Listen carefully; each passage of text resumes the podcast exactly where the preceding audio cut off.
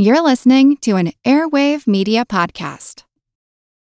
When you need mealtime inspiration, it's worth shopping Kroger, where you'll find over 30,000 mouthwatering choices that excite your inner foodie. And no matter what tasty choice you make, you'll enjoy our everyday low prices, plus extra ways to save, like digital coupons worth over $600 each week. You can also save up to $1 off per gallon at the pump with fuel points. More savings and more inspiring flavors make shopping Kroger worth it every time. Kroger, fresh for everyone. Fuel restrictions apply. This is the story of the one. As head of maintenance at a concert hall, he knows the show must always go on. That's why he works behind the scenes, ensuring every light is working, the HVAC is humming, and his facility shines. With Grainger's supplies and solutions for every challenge he faces, plus 24 7 customer support, his venue never misses a beat. Call quickgranger.com or just stop by. Granger, for the ones who get it done. This is Kick Ass News. I'm Ben Mathis.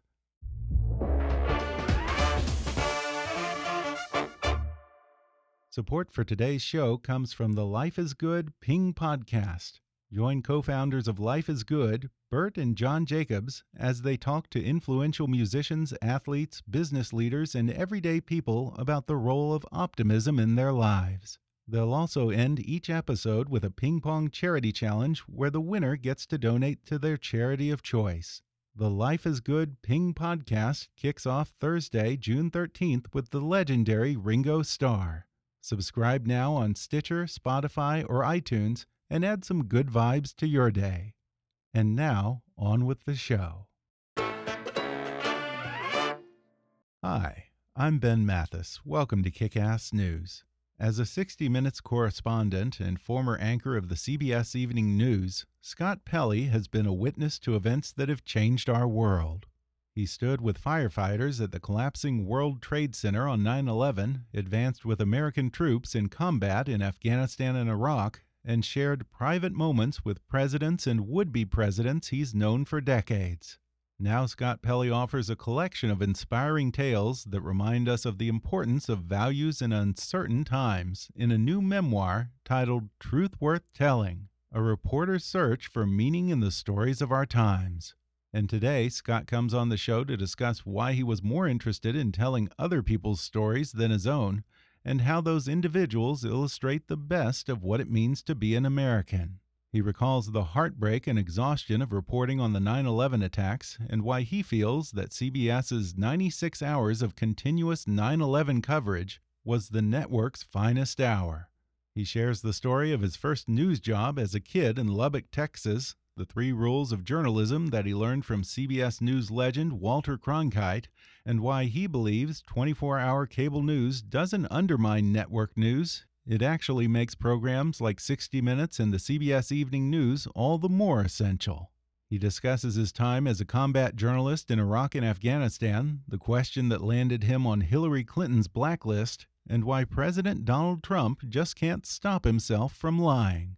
Plus, he elaborates on his accusations that the CBS Evening News was a hostile work environment, explains the secret of 60 Minutes longevity, and shares a few favorite memories of 60 Minutes' lovable curmudgeon, the late Andy Rooney. Coming up with Scott Pelley in just a moment.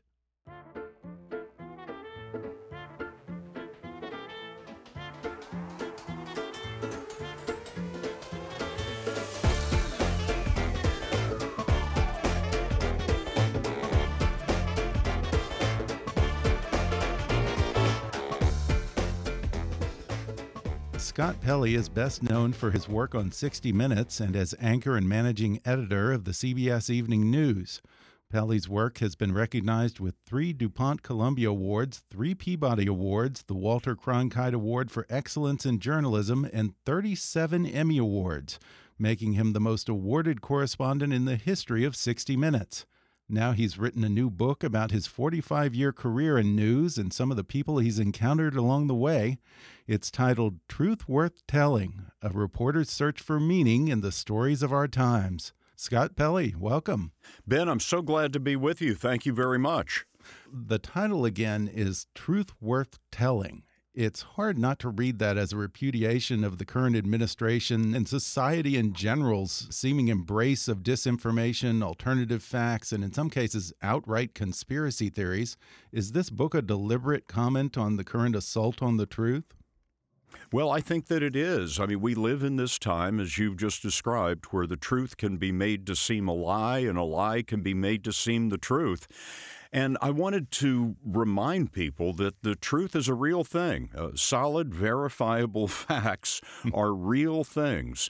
And uh, in the stories that I tell in this book, I try to relate the stories of people who have discovered the meaning of their lives in the historic events of our times and have discovered the truth of who they are in those times. Given this deluge of social media, online news sites, and 24 hour cable news, do you feel like it's getting harder for a once a week, hour long news magazine like 60 Minutes to break through all that white noise and nonsense? Well, you know, this has exactly been what concerns me the most about our country. What's the fastest way to destroy a democracy? Is it terrorism, war, another Great Depression? I don't think so. I, I think the fastest way to destroy a democracy is to poison the information. And that's exactly what we are seeing today as you and I are speaking. Our adversaries around the world, the Russians, the Chinese, the North Koreans, they've all figured this out. Cynical politicians and cynical business people here in the United States have figured this out just to win an election or to make a buck. And I think independent, reliable information is the only way that the American people can exercise the power that the founders gave us over the government. And I'm very worried that we've now moved seamlessly from the information age to the disinformation age. It's a very dangerous moment in history. And I'm sure that you've probably encountered some people who say, you know, we have 24 hour cable news now. Why do we still need a half hour network news show at night? As someone who's filled that desk for several years, what's the case for the evening news today? You know, I I've always said that the problem with 24-hour news is that there's not 24 hours of news. and those shows tend to fill hour after hour after hour with talking heads chewing over the same facts over and over again. Uh, they'll flash a big banner that says news alert or breaking news, and it'll just be somebody having a news conference. Uh, what I liked about the evening news when I was managing editor there was that it was, I mean, to use a highfalutin term, it was a curated half hour of the most important stories of the day. And I would tell audiences, you know, come to us because we will not waste your time. In the 30 minutes on the CBS Evening News, you're going to find the 10 or 12 most important stories of the day, exhaustively researched, well written, with the facts compressed into the things that you really need to know. And in just that 30 minute period, you get a really good survey of the day and uh, that's that's where I think the evening news is important. It used to be, as you well know, that a lot of people weren't home at 6:30 or at 5:30 Central Time, for example. But now we're streaming it on online all the time, so you can get this curated 30 minutes of the most important stories of the day online anywhere all the time. And I think that's a very compelling argument against filling 24 hours with nonstop blather. And a lot of great journalists, indeed the greatest journalists of the 20th century, have sat at that same desk that you filled. One of those men was Walter Cronkite, who was a big influence on you. In fact, I read that he taught you the three most important lessons in journalism. Can you tell us what those were? Well, you know, Walter Walter wanted us to ask very simple questions about everything we wrote, and that is is it right? Is it fair? Is it honest? And I try to take that to young journalists and journalism students everywhere I go. You know, we've had this revolution in media, obviously, but I tell people that it's a revolution in distribution. You know, we don't read the newspaper on paper anymore, that sort of thing. We watch the evening news anytime we want to watch it, first thing in the morning if we prefer. But that is a revolution in distribution, not a revolution in content. Hmm. In my view, the rules of content never change. Is it right? Is it fair? Is it honest? I worry a little bit that people who are involved in, in what we used to call new media think that all the rules have been thrown out, but that's not the case. Distribution has changed and is changing in ways that we can barely imagine. But the rules of content are the same because the viewer and the reader has the right to have independent, verifiable, unbiased information. And like Walter Cronkite and another CBS predecessor of yours, Dan Rather, you came from Texas, as did I, by the way, although I wouldn't lump myself in with you guys. Uh, what do you think it is about Texas that makes for great journalists? Ben, I'm, I'm sure you found this to be true. I, th I think that America just loves Texans. okay. And you know, the new anchor of the evening news, uh, who will be starting in the fall, Norah O'Donnell, she's from San Antonio. Oh, so really? No kidding. There, there is something, it's, and Bob Schieffer was from Texas. Right, and right. Uh, there's just something about Texans and CBS News. I don't know what it is. But these New Yorkers who run CBS News so often just seem to love us Texans. What was your first experience with a professional news organization in Texas? Well, you know, my career in search of the truth began with a lie. I was growing up in West Texas in, in a town called Lubbock, and I really wanted to work at the newspaper there when I was in high school.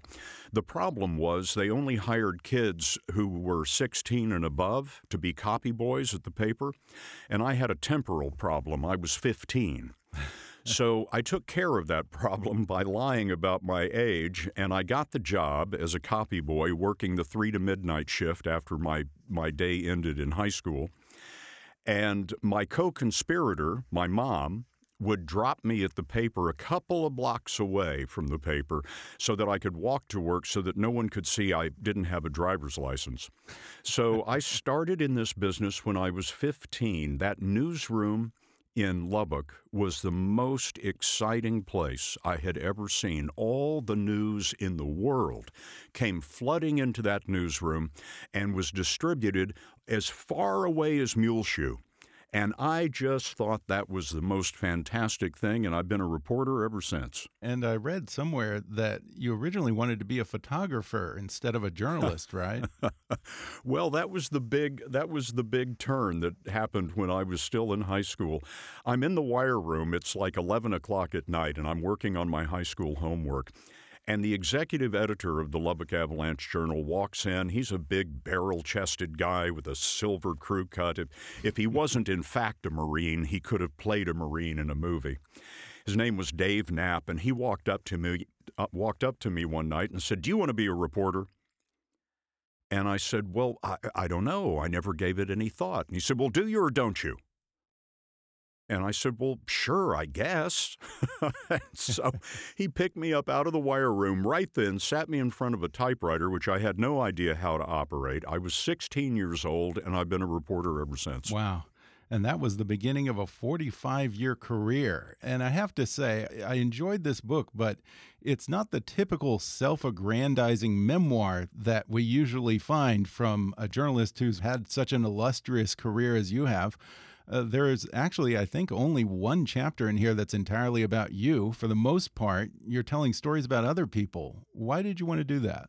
You know, I wanted to write a memoir, but I didn't want to write a memoir about me. I didn't think anyone would care about that. And, and my wife agreed with me on that point. and so um, it occurred to me, though, that I had met the most fascinating people in the world during the historic events of our times, and I really wanted to write about them. So most of the chapters, as you've seen, are titled after virtues such as valor, gallantry, selflessness, authenticity, audacity, that kind of thing. And I talk about the people that I have met during historic moments that personified those values. For example, the first chapter is entitled Gallantry. And it's about the firefighters of the fire department of the city of New York and what I witnessed at Ground Zero on 9 11. Yeah, you were witness to a lot of that. What was that day like for you? Well, I, I ran down to the World Trade Center. I was in Manhattan that morning, and I ran down to the World Trade Center after the first building was hit. We didn't know what had happened. It, we just knew that there was a tremendous fire in one of the World Trade Center buildings, and I thought, you know, whatever that is, it's going to be a story for 60 minutes. So I sent a bunch of my people uh, down there and uh, and went down there myself. Not long after I arrived, I was looking up at World Trade Center number one. That was the tower that had the big television antenna mast on top of it. And it looked to me, Ben, like the, the mast was ticking back and forth like a metronome. And I thought, well, that can't be. And I decided it must have been an optical illusion, you know, the heat torturing the light. But as soon as I saw that, the building began to come down. And eh, people have probably, you've probably heard people describe moments of terror or catastrophe is somehow unfolding in slow motion. But I'm here to tell you that it's true because, in my mind's eye, what I saw was the building falling one floor and stopping, hmm. and then another and stopping, wow. and then another and stopping. Now, of course, Ben, what you saw, what everybody saw, was the building actually rushing down in one movement and with heartbreaking speed. I don't know how I got there, but the next thing I remember is that I'm on my knees in the street and I'm calling out to God. And I said out loud, Lord, take them all with no pain. Mm. I don't remember getting up. The next thing I remember is being in motion, running as fast as I could with other people around me, with the sound of steel crashing in the street behind me. I don't know how far I ran, but it occurred to me, it dawned on me at some point that the conflagration behind me was beginning to subside. And so I turned around and walked back into ground zero. CBS News was on the air for 96 hours straight. No commercials, no breaks, all day, all night. And, you know, I feel today that everything Edward R. Murrow started for us in the in in the Second World War, everything that led to Walter Cronkite, that led to Dan Rather, had actually led us to this day. And I believe it was our finest hour at CBS News. And you mentioned a moment ago that CBS did 96 straight hours of news coverage with no commercial breaks of the immediate aftermath of 9 11. You yourself spent days at or near Ground Zero chronicling all of the stories surrounding that tragedy. Was that close to the most exhausted you've ever been? Well, certainly, and it was the most moving experience I've ever had, the the biggest event I ever covered. But Ben, the thing that I've wanted to do for it's hard to believe, isn't it? But it's almost 20 years now. The thing that I've been wanting to do all these years is try to pay some kind of adequate tribute to what I saw with the firefighters of the FDNY. 343 firefighters were killed in 90 minutes. It's the largest loss of life of any emergency service in the world in a single incident. Mm. And I saw those firefighters going up those stairwells, knowing the risk, just against the chance that they might be able to save somebody. Yeah. It, it occurred to me, Ben, as I was writing this, that the, the firemen did not know who attacked us. They didn't know what 9 11 was about. Yeah, interesting. But it didn't matter yeah. because they knew what they were about. Some years or even decades before, they had sworn an oath to protect the people of the city of New York, and they had decided then what they would do on this day. It was the greatest act of gallantry ever bestowed upon an American city. I, I worked on that chapter probably 30% of all the time I spent in the entire book, I worked on that chapter and the research on that chapter because it means so very much to me. Right. And I think that this illustrates what you talk about in the book when you say instead of trying to figure out the meaning of life, try to figure out the meaning of you. Absolutely. You know, I was, when I was anchoring the evening news, uh, you remember the ISIS attack on Paris that killed 120 people. And we were anchoring the broadcast from Paris after that terrible, terrible Friday the 13th. And I was watching Parisians construct a makeshift memorial on a cobblestone street in the rain one night, and there were children and men and women carrying candles to this makeshift memorial, and they had this look on their face of, of utter bewilderment like, you know, what is the mean? If this can happen, what is the meaning of life? Hmm. And it occurred to me, Ben, that I had seen those people before. I had seen them at the World Trade Center on 9 11. I had seen them in Oklahoma City after the bombing of the Murrah Federal Building. This sense of, of bewilderment. And it occurred to me maybe we're asking the wrong question. Don't ask the meaning of life. Life is asking, What's the meaning of you? In hmm. other words, when these inexplicable things happen in our lives, how do we react to them? What do we bring to that situation? And that's exactly the organizing principle behind the book, Truth Worth Telling. That's why the chapters are named after virtues, because these are the moments where people discovered the meaning of their life in these historic moments of our time. Uh, let me ask you this, Scott. Why do you feel the urgency to remind us of these values? Do you think that some of them are in decline right now? I think, this is my personal view, but I do travel all over the country. And I think that people feel at this moment in time, Ben, a little unbalanced. Wondering, particularly after what we hear from this administration, wondering what is true and what is not true, what values matter and don't matter anymore. And what I'm hoping to do with Truth Worth Telling is to remind folks there are great Americans out there of the highest caliber, of the highest principles and values. And those are our heroes. Some of them in the book are famous, a lot of people in the book you've never heard of, but they exemplify the best in all of us. Yeah. And so I was hoping to explore what it means today to be an American and, and what it means to, to have aspirations for our country's future, perhaps a new American century. And I wanted to remind people of, of those values that we all hold dear and, and remind them that a lot of us have those values. We're going to take a quick break, and then I'll be back with more with Scott Pelley when we come back in just a moment.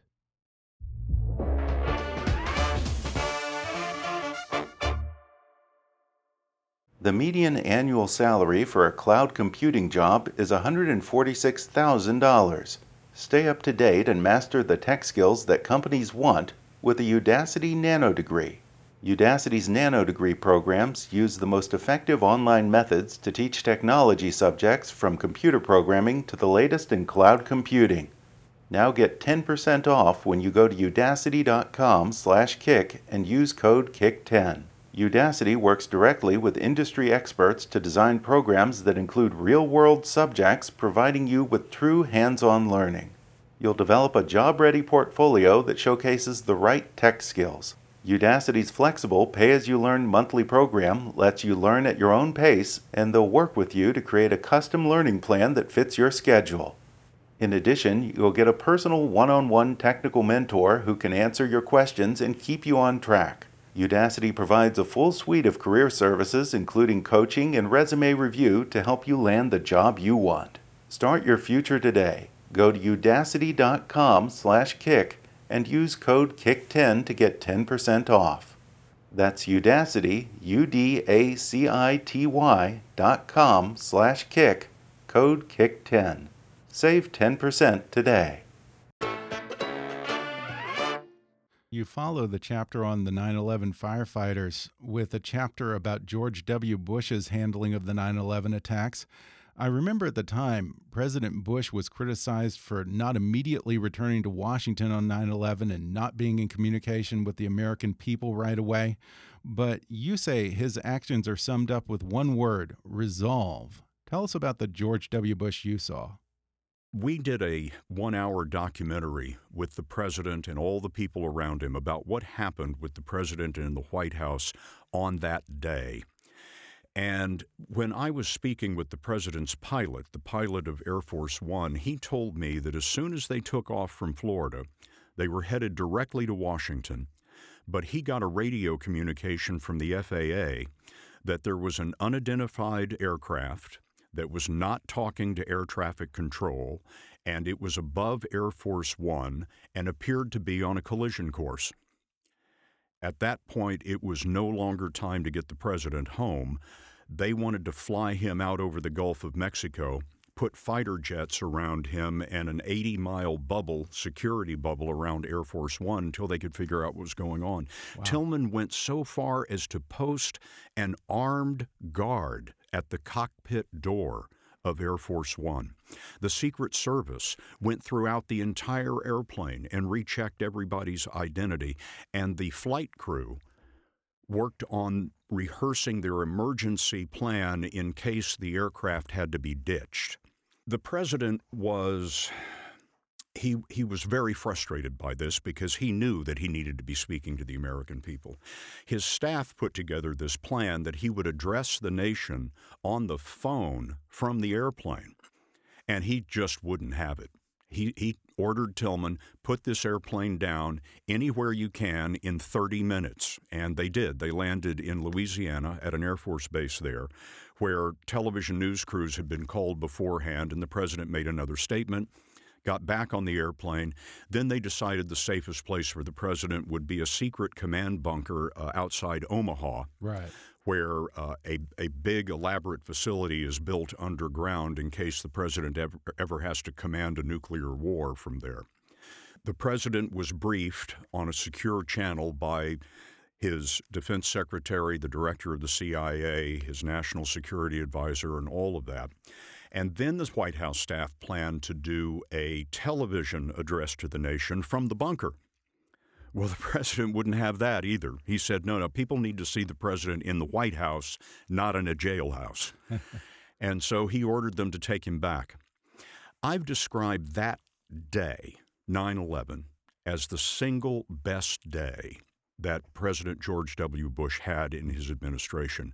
Because wow. one of the first things that he did in that address to the nation that finally happened from the Oval Office was that he did not allow the nation's ferocity to turn against Islam writ large. Right. He made it very clear this is not a war on Islam. Yeah. These people were people who had twisted that religion and that philosophy, and America will not go to war against Islam.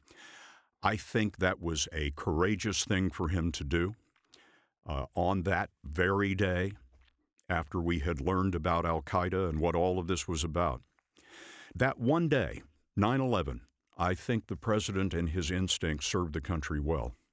And you went on to cover the U.S. response to 9 11, reporting from Iraq and Afghanistan. Is there a particular moment during those wars that really stands out for you? You know, another chapter, Ben, sums up a person that sums up the war in Afghanistan for me.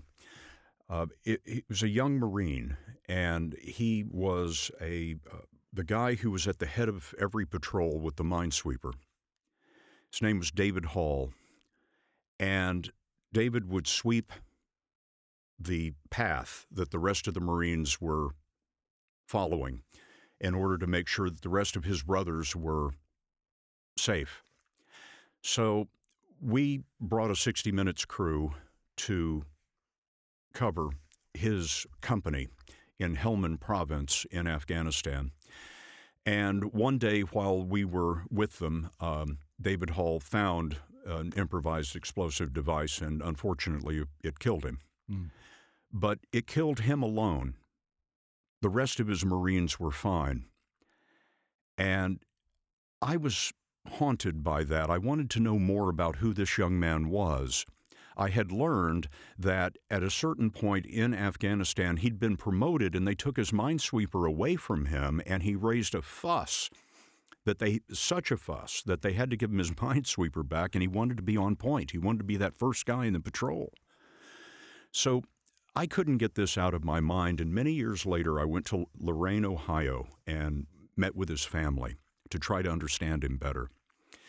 And what the Halls explained to me was in middle school, his father told me he was bullied so mercilessly that they had to change schools and put him somewhere else, and that ever since that experience, he wanted to be the person who protected others. He wanted to seek justice for weaker people. And that told me so much about why he demanded getting his minesweeper back, why he always led on point at the front of the patrol, and why he sacrificed his life, it was exactly what he had hoped for. He took that IED by himself. And it's that kind of duty, self sacrifice, uh, that I saw in Afghanistan and in Iraq over and over and over again. Uh, the troops that I saw in 24 trips to Iraq and 10 trips to Afghanistan always did their duty as best as they possibly could. And now I believe that one of your early mentors was the late Bob Simon, who covered, I want to say, something like 67 wars and other crises for CBS. What did he teach you about being a war correspondent? You know, Bob, Bob was this goes way back to 1990 and what my wife calls the first Gulf War, when America built this huge coalition army under George H.W. Bush in Saudi Arabia and kicked Saddam out of Kuwait. So Bob and I were sent there. Now, Bob had spent 10 years in Vietnam. He'd covered every gunfight in the Middle East. He was the greatest war correspondent in CBS News history, arguably. I had been at CBS News about six months, so I was the kid. And so we're in Dhahran, Saudi Arabia, and I admire Bob so much, not just his courage, but his artistry. His scripts were always so brilliantly written. He was really known for his way with words and his ways of description. And one night in our CBS News bureau, Saddam launched a bunch of missiles into Dhahran, Saudi Arabia. They began exploding in the neighborhoods around us. So an air raid warden came into our bureau, which was in a hotel, and said, Follow me to the bomb shelter. So we all get up and we go to the bomb shelter. Now we're down in the bomb shelter, and I'm looking around. I don't see Bob. Now I'm worried about Bob. Bob's in danger. So I leave the bomb shelter and go looking for Bob, and I find him. He's on the roof of the hotel with a camera crew, lashed up to New York live, describing what it's like as these warheads explode in the neighborhoods around us. Wow. and I thought guy. to myself, that is what a war correspondent does. Yeah. and I had seen my first and last bomb shelter. You know, Ben, I, I think that when America goes to war, all of America has to go. We all have to go. And the way that we all go is through the independent reporting of the combat correspondent on the ground, because that's how we get independent information about what's being asked of our country and our sons and our daughters. I think it's a vital service that we provide to the American people. Mm-hmm. It is extremely hazardous, of course, just like our troops, but it is just that important. And that's what Bob Simon taught me on that night. There's a chapter in here about the 2016 election, which you say represented the pinnacle of hubris. Not all of these values are positive values. Uh, obviously, President Trump has an exaggerated ego, but do you think Hillary Clinton also got a little too cocky for her own good? You know, I had known Hillary Clinton since she was First Lady of Arkansas. I covered Bill Clinton's campaign in 1992. Uh, and I had known both Clintons for a very long time. I covered the Clinton White House uh, in the latter part of his second term, which was the, the period in which he was impeached. And then I covered Hillary Clinton as Secretary of State, and I covered her run in 2016 when we were doing CBS News polling, and I was uh, anchor of the CBS Evening News. About 68% of the American people told us that they did not think Hillary Clinton was trustworthy. So I asked her about this every interview we did because it seemed to me that this was something that she needed to hit head on, right? This is what Robert Kennedy called hanging a lantern on your problem. If you've got a if you've got 68% of the American people think you're, you're not trustworthy, you need to address that every chance you get. But she typically did not. So we sat down 24 hours before the beginning of the Democratic National Convention. She wanted to be on 60 Minutes as kind of a curtain raiser for the convention. And I asked her again about uh, telling the truth to the American people, her credibility. Could she say in the interview that she would never lie to the American people, as Jimmy Carter did in 1976? And her answer began with, You've done this to me before, Scott. she was referring to when I interviewed her most recently before the Nevada primary, and I asked her the truth question again, and she kind of swung and missed uh, on that question in Nevada. And it really was instructive to me that she said, not, you've asked me this before, Scott, but you've done this to yeah. me before, Scott. Yeah, and I guess she doesn't forgive easily because uh, apparently at one point she was scheduled to do a 60 minutes interview and she had the caveat that the interviewer could be anyone but Scott Pelley, right? That's that is correct. And uh, you know, when she answer, when she finally answered the question uh, in Miami right before the Democratic National Convention in uh, in uh, uh, Philadelphia, she did a very good job with it. I'm completely unsurprised by that. She she is a very intelligent woman who has an intimate understanding of the issues, and and she can take care of herself. But um, it has been a tradition, Ben, for 60 Minutes in every presidential election year. Our first broadcast of that fall is uh, interviews with the two major party candidates. We started this in 1968 with Nixon and Humphrey. So, 2016, a correspondent, Lesley Stahl, is assigned to the Trump campaign, and they're they're getting ready to do their story. And I was assigned to the Clinton campaign, and the Clinton people called the executive producer of 60 Minutes and said, "We'll do the show, but we won't do it with Scott." And of course, the executive producer of 60 Minutes said, Well, you don't get to choose. I mean, you, you, you can't choose who your interviewer is. You can't choose what questions we ask you. It's, you know, it's please come on the broadcast. But other than that, you don't have any say in what we do. We're an independent news organization. Right. And so the Clinton campaign said, Forget it. We had to tell Trump, never mind. We didn't do the broadcast. And here's the thing that gets me, Ben. If you add the margin that President Trump won by in the three states that gave him the Electoral College, he won by 77,000 votes. All those three states added together, he won by 77,000 votes. And it just seems to me, you know, Hillary Clinton turned down a 60 Minutes broadcast, which would have on average about 13 million viewers, and then went on to lose the election a few weeks later by 77,000 votes.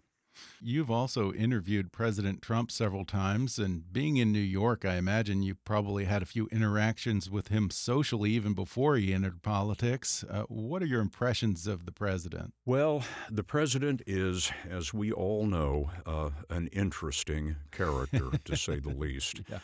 Um, in the interviews that I did with him uh, during the campaign, uh, he he just didn't tell the truth. Uh, he, he made things up.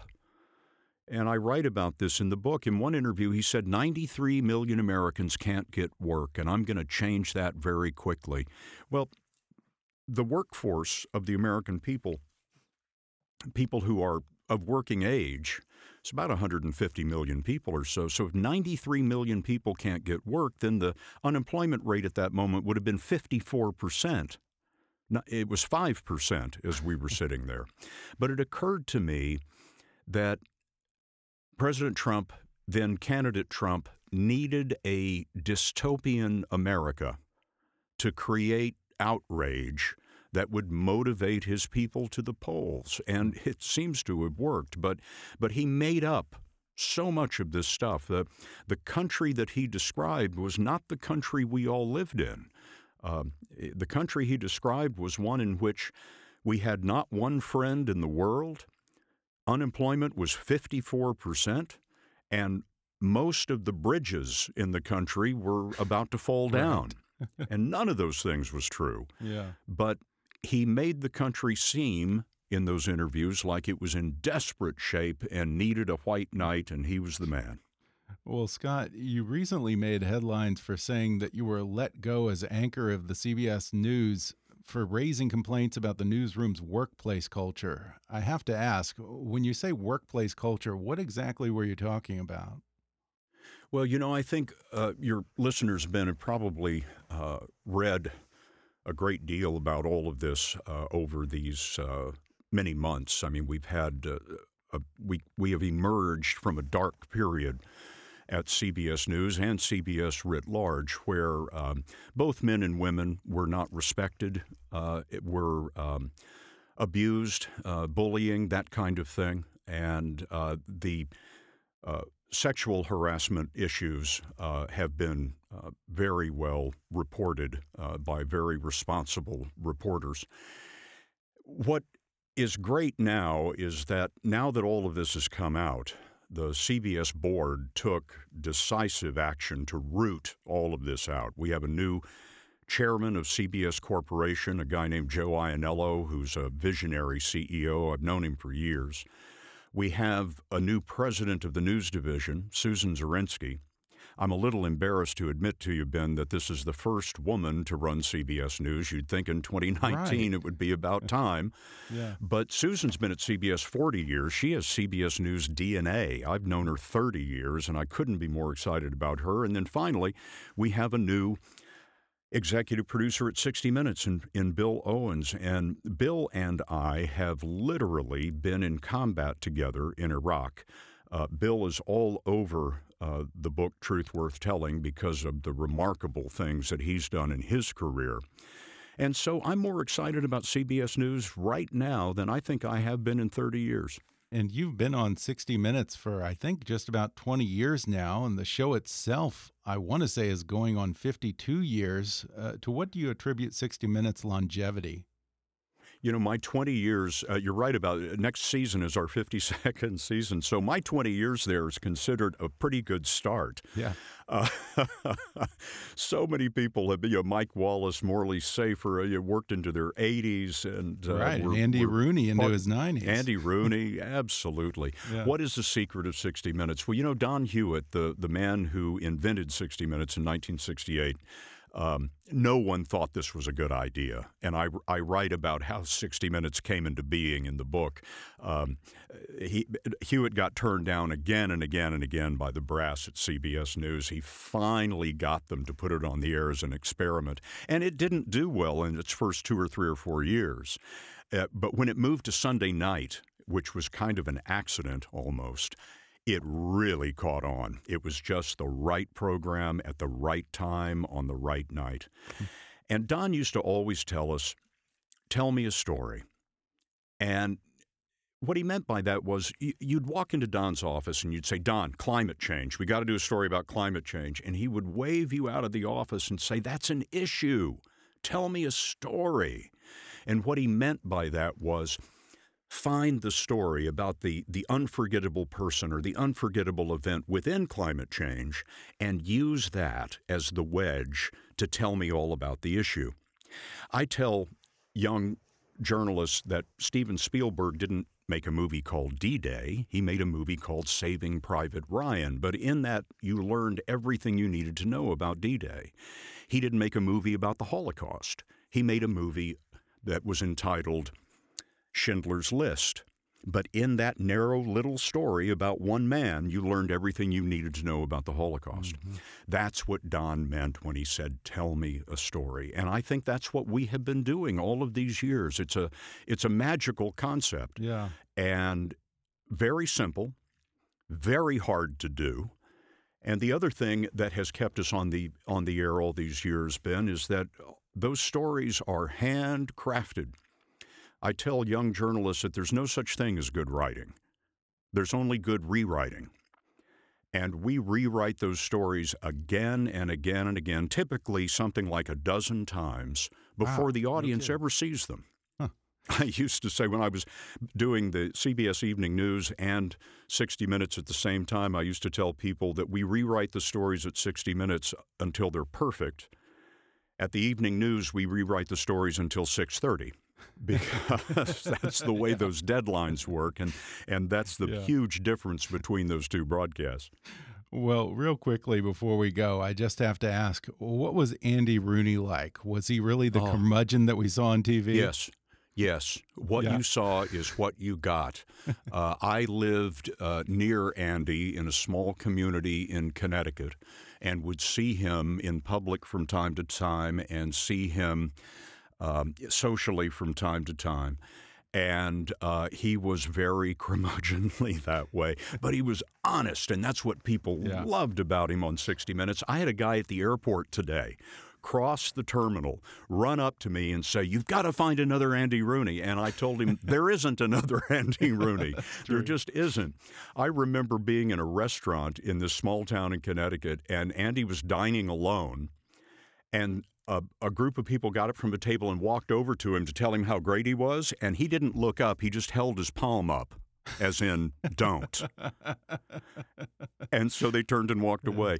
He, he, he was he was not an unfriendly guy, but he was really honest Yeah. about uh, the way he was feeling and what he was thinking, and I think that's why America loved Yeah. him so much. Can you picture yourself doing 60 minutes at age 92 like he did?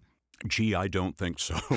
No, I don't think I have that. I don't think I have that kind of gas. Uh, but uh, but who knows? You know, Yeah. the, like I said, the broadcast is going into its 52nd year. Uh, we're now, of course, online, and we have our our 60 Minutes overtime website and all these other things that we're branching out into. So it's endlessly fascinating. I'm having a great time. Well, again, the book is called Truth Worth Telling A Reporter's Search for Meaning in the Stories of Our Times. Scott Pelley, thanks so much for talking with me. Ben, it's so great to be with you on Kick Ass News, which is not something I've ever said on the air before. it's been awfully good to be with you. Thank you. Thanks again to Scott Pelley for coming on the podcast. Order his new book, Truth Worth Telling A Reporter's Search for Meaning in the Stories of Our Times, on Amazon, Audible, or wherever books are sold. Watch Scott Pelley every Sunday on CBS 60 Minutes and follow him on Twitter at, at Scott Pelley. Master the tech skills that companies want and develop a job ready portfolio with the Udacity Nano degree. Udacity uses the most effective online teaching methods, and their custom learning plan is designed to fit your busy schedule. In addition, their full suite of career services is there to help you land the job you want. Go to udacity.com/kick and use code KICK10 to get 10% off. That's Udacity, U-D-A-C-I-T-Y dot com slash kick, code KICK10. Be sure to subscribe to Kickass News on Apple Podcasts if you haven't already. And if you like what you're hearing, then rate and review us while you're there. Five star reviews are the easiest way for new listeners to find us. Don't forget to like us on Facebook and follow us on Twitter at, at KickassNewsPod. And feel free to email me with your thoughts, questions, and suggestions at comments at kickassnews.com. Until next time, I'm Ben Mathis, and thanks for listening to Kick Ass News.